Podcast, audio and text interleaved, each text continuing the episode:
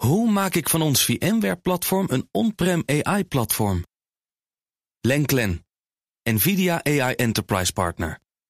Lenklen, betrokken expertise, gedreven innovaties. Voor de column van Ben van den Burg.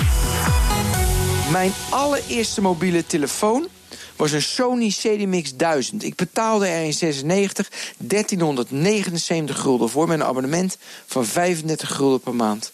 Ik vergeet dat nooit meer. Ik vond het belachelijk veel. Voor de jonkjes onder ons, 1379 gulden, 21 jaar geleden, is meer dan 1379 euro nu. Economen zullen dat tegenspreken. Ze zullen met inflatiecijfertjes en de euro-gulden omrekenfactor proberen aan te tonen dat onze koopkracht nauwelijks veranderd is de afgelopen decennia. Wij oudjes weten wel beter. Ontgoocheling afgelopen week over de prijs van de nieuwe iPhone 10. Hij kost straks in Nederland minimaal 1159 euro. De consumenten die hun zegje mochten doen vertelden dat ze dat nooit zullen betalen. De analisten weten ons wijs te maken dat je kunt overdrijven met een premium prijsstrategie en dat Apple zijn hand overspeelt. Ik betwijfel of Apple de plank mislaat met de hoge prijs voor de iPhone 10. In 2013 stond Apple onder druk van Wall Street. De koers was gehalveerd. Apple bediende vooral het duurdere smartphone-segment en de rest van de markt was en is voor Android slash Samsung. Apple luisterde naar Wall Street en bracht de iPhone 5C op de markt. Weet u dat nog? Dat was die iPhone 5 met een gekleurd achterkantje. Ze brachten tegelijkertijd de upgrade van de iPhone 5 uit, de 5S. De 5C moest de onderkant van de markt gaan bedienen, alleen dat gebeurde niet. De 5C werd een flop.